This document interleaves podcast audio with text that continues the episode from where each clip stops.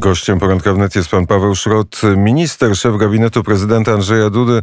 E, dzień dobry, panie ministrze. Panie redaktorze, słuchacze, dzień dobry. E, jak pan sobie wyobraża i czy pan sobie wyobraża ten dzień, w którym Andrzej Poczobut i Angelika Borys opuszczą więzienie? Panie redaktorze, ja czekam na ten dzień. Myślę, że bardzo wielu moich rodaków czeka na ten dzień, niezależnie od tego, pod której stronie granicy polsko-białoruskiej mieszkają. Powtarzam jeszcze raz, pan prezydent wzywa y, Aleksandra Łukaszenkę do uwolnienia pana Poczobuta, pani Borys, innych działaczy Związku Polaków na Litwie, innych więźniów sumienia, więźniów politycznych przetrzymywanych y, na Białorusi. Ich jest, y, przypominam, prawie tysiąc. To według, według jednych statystyk, według innych jest ich nawet kilka, kilka tysięcy więźniów politycznych. Co chwila ktoś trafia do, do więzienia, ale czy my mamy tylko słowa? Czy my mamy jakieś możliwości dyplomatyczne do doprowadzenia do tego, żeby oni z tego więzienia wyszli? Panie redaktorze, przypominam, że dzięki działaniom pana prezydenta które miały różny charakter. Częściowo oficjalny, dyplomatyczny, częściowo bardzo dyskretny. Udało się, udało się trzy panie Polki z Białorusi y, sprowadzić do Polski. To, jest, to był wielki sukces. Ale przypominam, te kanały, które dało się wtedy wykorzystać, y, trudno je wykorzystać ponownie, a polityka białoruskiego rządu wobec Polski się zaostrzyła bardzo mocno. Obserwowaliśmy to wszystko od lata, obserwując cały ten atak hybrydowy przez podlaską granicę podlaską i lubelską granicę. Obecnie y, te sprawy są bardzo, bardzo trudne. Niemniej pan prezydent ciągle wzywa y, Aleksandra Łukaszenkę do uwolnienia Czy tych w czasie tych y, wszystkich szczytów, które miały ostatnio miejsce przeważnie, to były szczyty zdalne, była poruszana tematyka więźniów na Białorusi, w tym, w tym Angeliki Borys i Andrzeja Poczobuta? Oczywiście, że była poruszana. Był poruszany, poruszana ocena całokształtu polityki władz Białorusi, która jest jest fatalna na wielu polach, również na polu tym y, dotyczącym więźniów sumienia te szczyty nie były wyłącznie zdalne.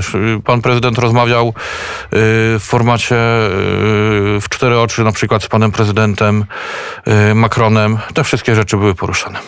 I jaka jest reakcja drugiej strony, tych drugich Drugi, stron? Drugich stron oczywiście, bo to było bardzo wiele rozmów. Był też, yy, przypominam ostatnio, były rozmowy dotyczące bezpieczeństwa regionalnego z panem prezydentem Bidenem. Wszyscy, yy, wszyscy tą sytuację dobrze rozumieją. Zarówno te państwa, E, naszego regionu. E, panu prezydentowi, przypominam, udało się zbudować szeroką koalicję praktycznie od państw bałtyckich, Finlandii, aż po Rumunię, która podobnie ocenia i podobnie działa e, jak Polska w tej sprawie, wspiera Polskę. Jak również naszych sojuszników z Unii Europejskiej, z NATO, państw transatlantyckich. Wszystkie państwa oceniają tą sytuację podobnie. Wszystkie państwa opowiadają się za utrzymaniem i wprowadzeniem tych sankcji, które wprowadzono. Ten nowy rozdział dyplomatyczny nie wiem czy to byłby tytuł rozdziałów, zaczął się od rozmowy telefonicznej między prezydentem Rosji a prezydentem Stanów Zjednoczonych, między Joe Bidenem a Władimirem Putinem. Wtedy komentarze były takie, że prezydent, Ros prezydent Stanów Zjednoczonych dzwonił, dzwonił do różnych polityków, a nie zadzwonił i nie rozmawiał i nie konsultował się z prezydentem Andrzejem Dudą. Panie redaktorze, pan prezydent Biden zadzwonił, konsultował się z panem prezydentem Dudą. Zrobił to oczywiście w formacie B9, czyli tej bukaresztańskiej dziewiątki, ale ja byłem przy tym spotkaniu i chciałem powiedzieć, że na tym spotkaniu zdalnym oczywiście Polska była traktowana zgodnie z rolą, którą odgrywa y, w regionie i jej znaczeniem, ale też zgodnie z rolą, którą odgrywa w rozwiązywaniu tego kryzysu, więc można powiedzieć, że Polska jest y, w tym momencie liderem regionu i Polska, Polska y, bardzo aktywnie prowadzi politykę zagraniczną. Polska jest y, liderem regionu, to prawda, ale czy ta gra supermocarstw nie, odgrywa, nie rozgrywa się ponad polskimi głowami? Prezydent Putin postawił warunki, powiedział, czego domaga się Rosja w sprawie Ukrainy, w sprawie wojsk NATO e, na terenie Polski, na terenie Litwy, Łotwy, Estonii e, i czekamy na odpowiedź Ameryki. Jak jaka ona będzie? Panie redaktorze, no to jest działanie bez precedensu. Y, nie po to się y, publikuje y, medialnie jakieś warunki, ultimatum, żeby potem o nim rzeczowo i poważnie rozmawiać. To jest działanie... Czyli propaganda. Dokładnie. Obserwujemy tą sytuację. Nie przypuszczam, żeby, żeby y, Stany Zjednoczone, administracja prezydenta Bidena w jakikolwiek sposób na takie, y, na takie propagandowe działania odpowiedziała. To być może jest propagandą, ale 100 tysięcy czy ponad 100 tysięcy wojsk rosyjskich na granicy z Ukrainą już propagandą nie jest. Panie redaktorze, mamy własne informacje, mamy też informacje przekazywane przez naszych so, y, sojuszników. Ja w imieniu pana prezydenta spotkałem się w listopadzie z, paną, z panią Avril Haines, y, dyrektorem amerykańskiego wywiadu. Traktujemy te sprawy bardzo poważnie. y, Trzeba sobie zadać pytanie, czy to jest gra polityczna, czy te, ta aktywność ma na celu osiągnięcie jakichś y, zysków y, ściśle militarnych. E, W czasie e, spotkania e, na Ukrainie w Karpatach prezydent Andrzej Duda jednoznacznie powiedział, że nie należy, nie należy się cofać przed retoryką czy przed szantażem Rosji, a należy postępować ofensywnie. Na czym to, to postępowanie ofensywne miałoby polegać?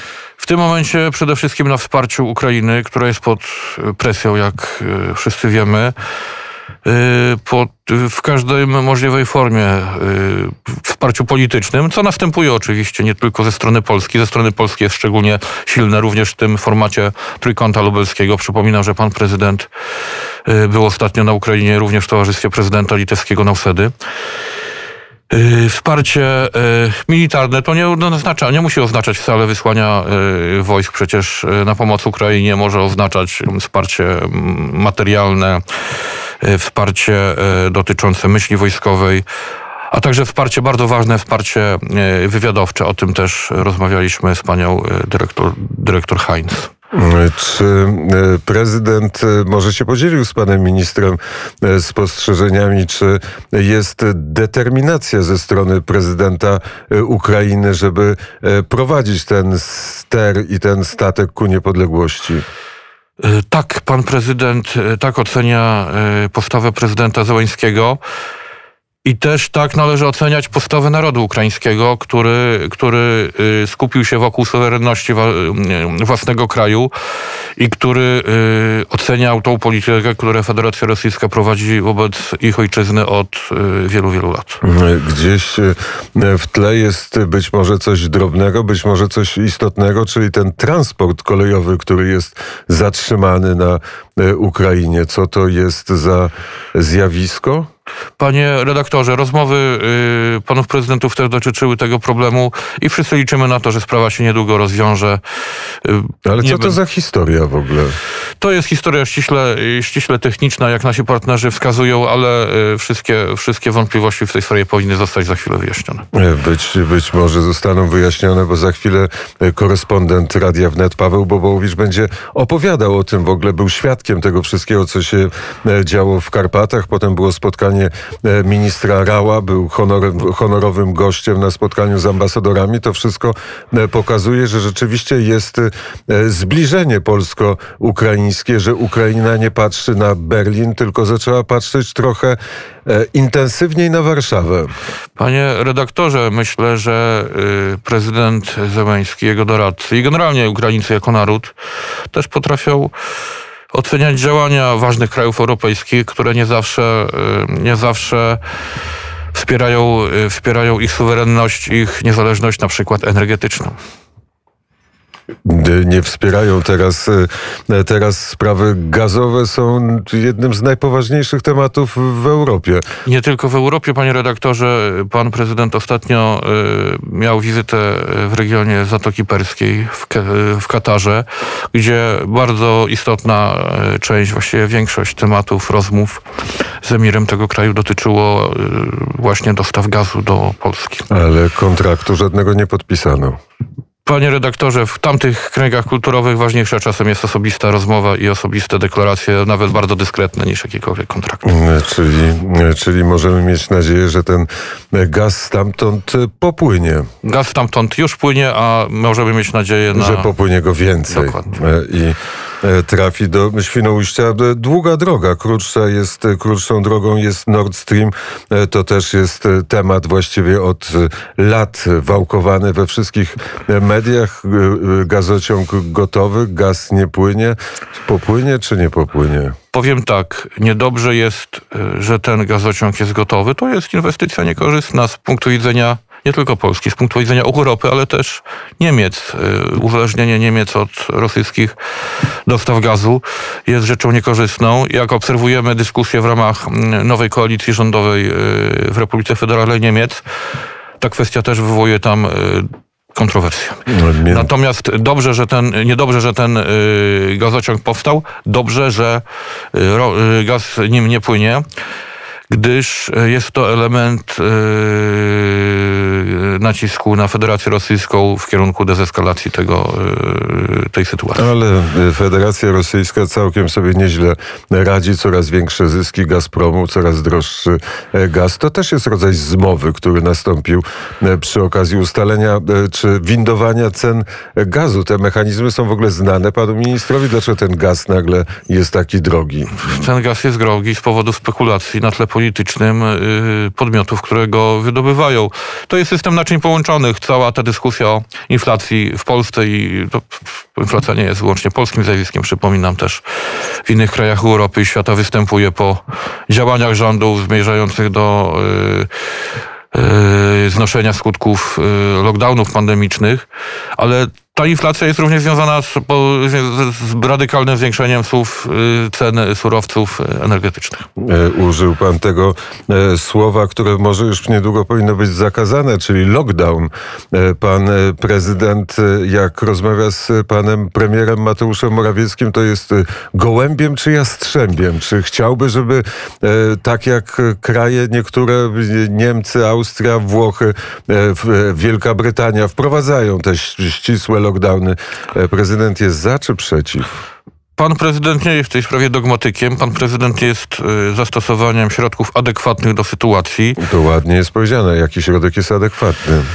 Y, To jest zadanie rządu, żeby wskazał, jakie środki w tej sytuacji są adekwatne. Ja rozumiem, że rząd w tym momencie nie ocenił, że y, ostre lockdowny doprowadzą do poprawy sytuacji epidemicznej.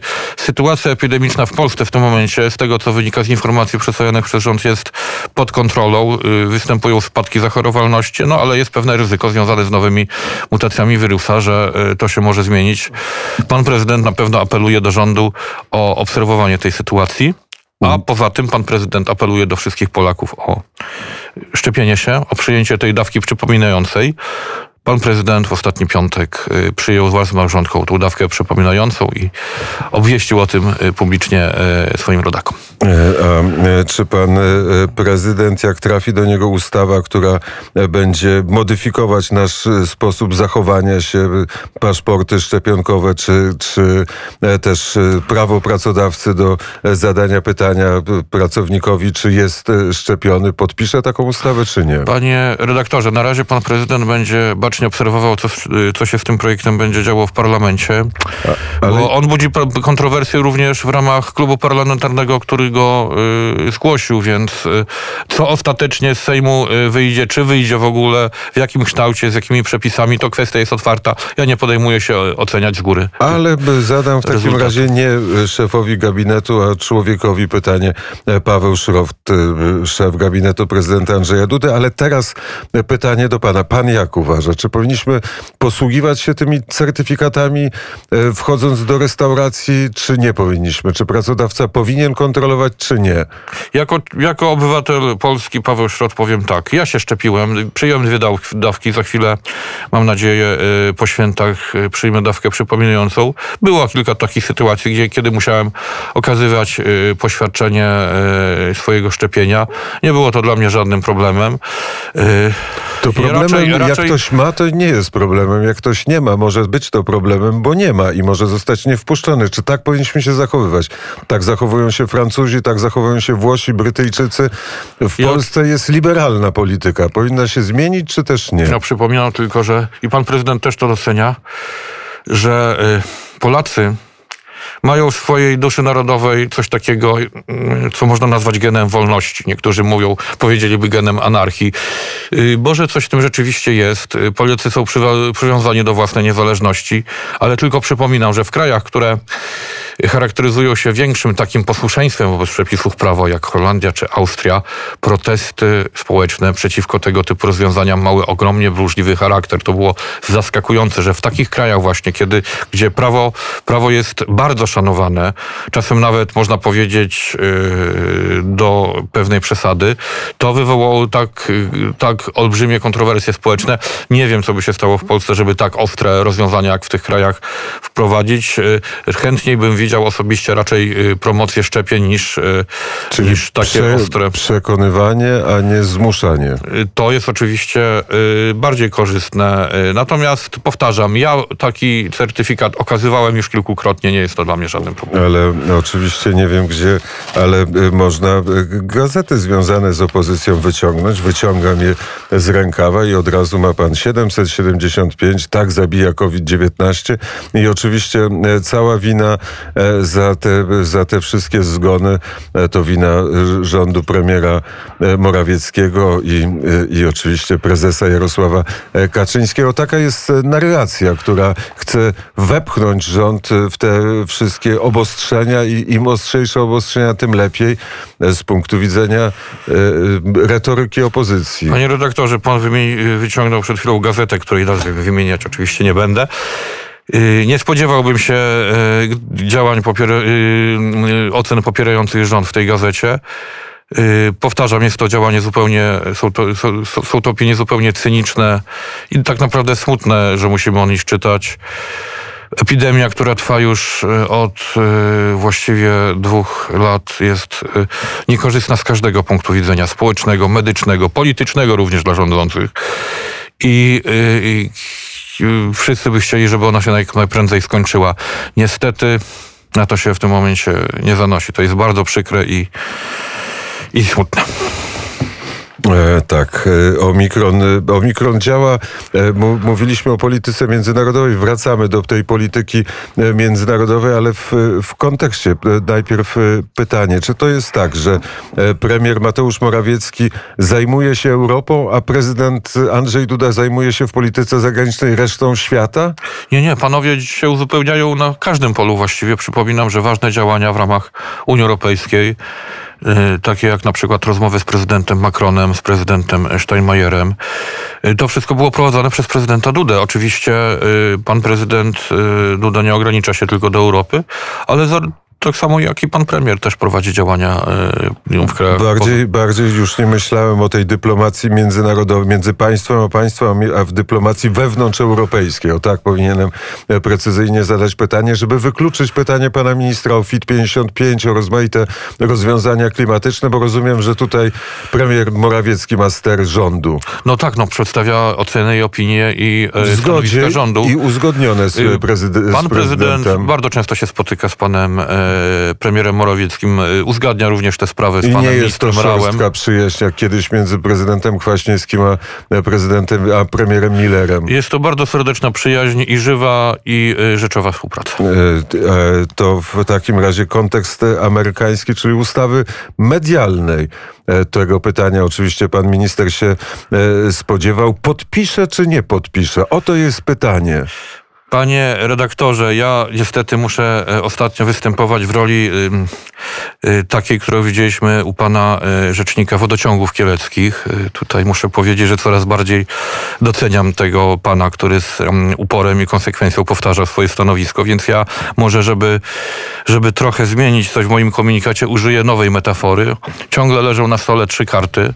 I pan prezydent się zastanawia, którą z tych kart wyciągnie i w jakim momencie. Te karty to oczywiście weto, y, podpisanie ustawy i y, wniosek do Trybunału Konstytucyjnego. E, która karta leży po lewej stronie, czyli od strony serca, a która po prawej stronie, czyli od strony e, b, dobrej zmiany, która przegłosowała? Myślę, że pan prezydent, zastanawiając się, oceniając ten projekt, e, cały czas te karty to tasuje i przekłada. E, ale to nie będzie przecież losowa decyzja. To na, pana... na, na, pewno nie będzie losowa decyzja. Analizy ciągle trwają, bo one zostały już przeprowadzone latem, ale od tego czasu się dużo wydarzyło, zarówno w otoczeniu międzynarodowym Polski, jak i na e, arenie wewnętrznej. Ja przypominam tylko, że ta sprawa ma kilka aspektów ściśle prawny. Oczywiście e, tutaj, e, tutaj też analizy były przeprowadzone. Tutaj są dodatkowo kwestie związane z tą poprawką Konfederacji, z ograniczeniem prerogatyw pana prezydenta. Mają też, y, ma ta sprawa też aspekt, y, nie, nie, czy można tego ukrywać, międzynarodowy, ale tutaj też chciałbym podkreślić, że jeżeli ktoś się spodziewa, że presją y, na pana prezydenta, w tym zwłaszcza presją publiczną, będzie w stanie uzyskać jakieś określone, zamierzone przez sobie efekty, to może się gorzko rozczarować. Te efekty mogą być odwrotne od właśnie tych zamierzonych. No ale jeżeli to będzie życzenie wyrażone przez prezydenta Stanów Zjednoczonych, to co zrobi prezydent. Panie redaktorze, pan prezydent już te wszystkie aspekty analizował, teraz też analizuje otoczenie otoczenie, y, otoczenie międzynarodowe Polski, sytuacja międzynarodowa, y, która y, była już analizowana latem. Ona się w ciągu tych miesięcy zmieniła. Sytuacja się, można powiedzieć, śmiało skomplikowała. Mówiliśmy o tym na początku naszej rozmowy. To też trzeba zwracać uwagę. Na to trzeba zwracać uwagę, analizując tą sytuację. E, to jest, e, to jest prawda. Presja jest e, bardzo silna i media mają duże znaczenie. Jeżeli w mediach amerykańskich, to już dzisiaj tego argumentu używałem w rozmowie z ministrem Piotrem Millerem, że jeżeli media zaczną opisywać, że w Polska właśnie zniknęła w Polsce wolność słowa, pluralizm mediów, Polska przestała być krajem demokratycznym, to wtedy w tej dyplomacji, którą uprawia prezydent Andrzej Duda, będzie trudniej. No cóż mogę komentować, panie redaktorze. To są wszystko okoliczności, które bardzo poważnie trzeba brać pod uwagę. Natomiast y, analizując ściśle sprawę, myślę, że zagrożeń dla wolności słowa bardzo istotnych nie ma. Tylko, tylko to, jest, y, to jest y, na poziomie rzeczywistym, a mówimy o poziomie medialnym. Te dwa poziomy nie mają ze sobą, mają ze sobą pewien związek na szczęście, ale to nie jest związek jeden do jednego. Ale oba poziomy są niestety istotne i trzeba, trzeba je brać pod uwagę. Polityk z jednej strony patrzy na rzeczywistość, z drugiej strony boi się mediów, a ten strach przed mediami czasami ma bardzo wielkie oczy i bardzo wiele decyzji politycznych jest z powodu strachu przed mediami. Panie redaktorze, ale pan prezydent, jego decyzja, że tak powiem, ostateczna, będzie wynikiem jego y, analizy y, merytorycznej, prawnej. Przypominam, że pan prezydent jest doktorem prawa, a nie wynikiem lektury jakichś mediów czy y, wpływu presji innych polityków. A ja powiem, że lubię rozmawiać z politykiem, jak mam podejrzenie, że polityk wie, jaka jest decyzja, ale nie może jej zakomunikować, bo wtedy może e, dziennikarz się wykazać jakąś próbą dotarcia do tego, do tego słowa. Ale które jest bliższe? Czy weto jest bliższe czy Trybunał Konstytucyjny? No, media mówią Trybunał Konstytucyjny, że to jest ten złoty wybór prezydenta, bo odsuwa tak naprawdę wybór o pewien nieokreślony czas. Panie redaktorze, pan prezydent ma w dyspozycji swoje trzy warianty działania, wybierze jeden z nich i zakomunikuje w czasie odpowiednim, w, w, przed upływem Miesiąc. terminu. Przed upływ, 21 dni dokładnie, przed upływem terminu. Szacunek dla pana rzecznika wodociągów kieleckich. 21 dni to oczko. Tak, tak, jest taka gra karciana, ale to jest gra oparta na e, losowych e, zdarzeniach, a pan prezydent podejmuje decyzje racjonalnie w oparciu o fakty. Ale są jakieś takie e, telefony do pana prezydenta, już myślimy o, o no na przykład przyjedzie, bo nie wiem kiedy przyjedzie nowy ambasador, czy on już jest, nowy ambasador amerykański, pan Brzeziński?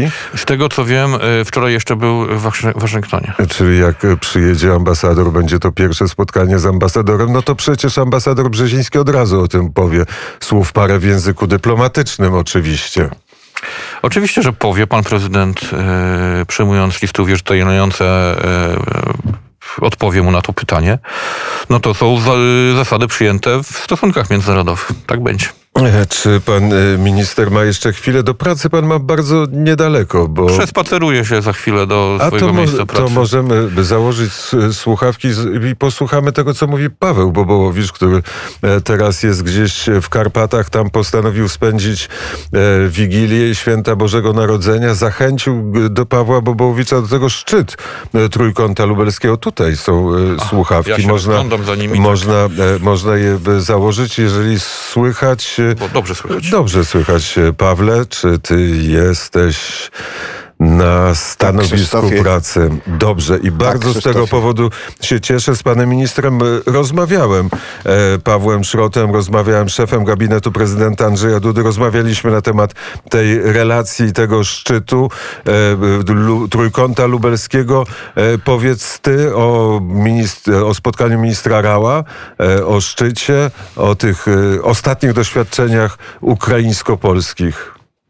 Faktycznie najpierw był szczyt Trójkąta Lubelskiego, w którym brał udział e, prezydent Andrzej Duda i o tym panowie dzisiaj rozmawialiście, a 21-22 grudnia e, to daty, w których e, przebywał na Ukrainie minister spraw zagranicznych Rzeczypospolitej Polskiej Zbigniew.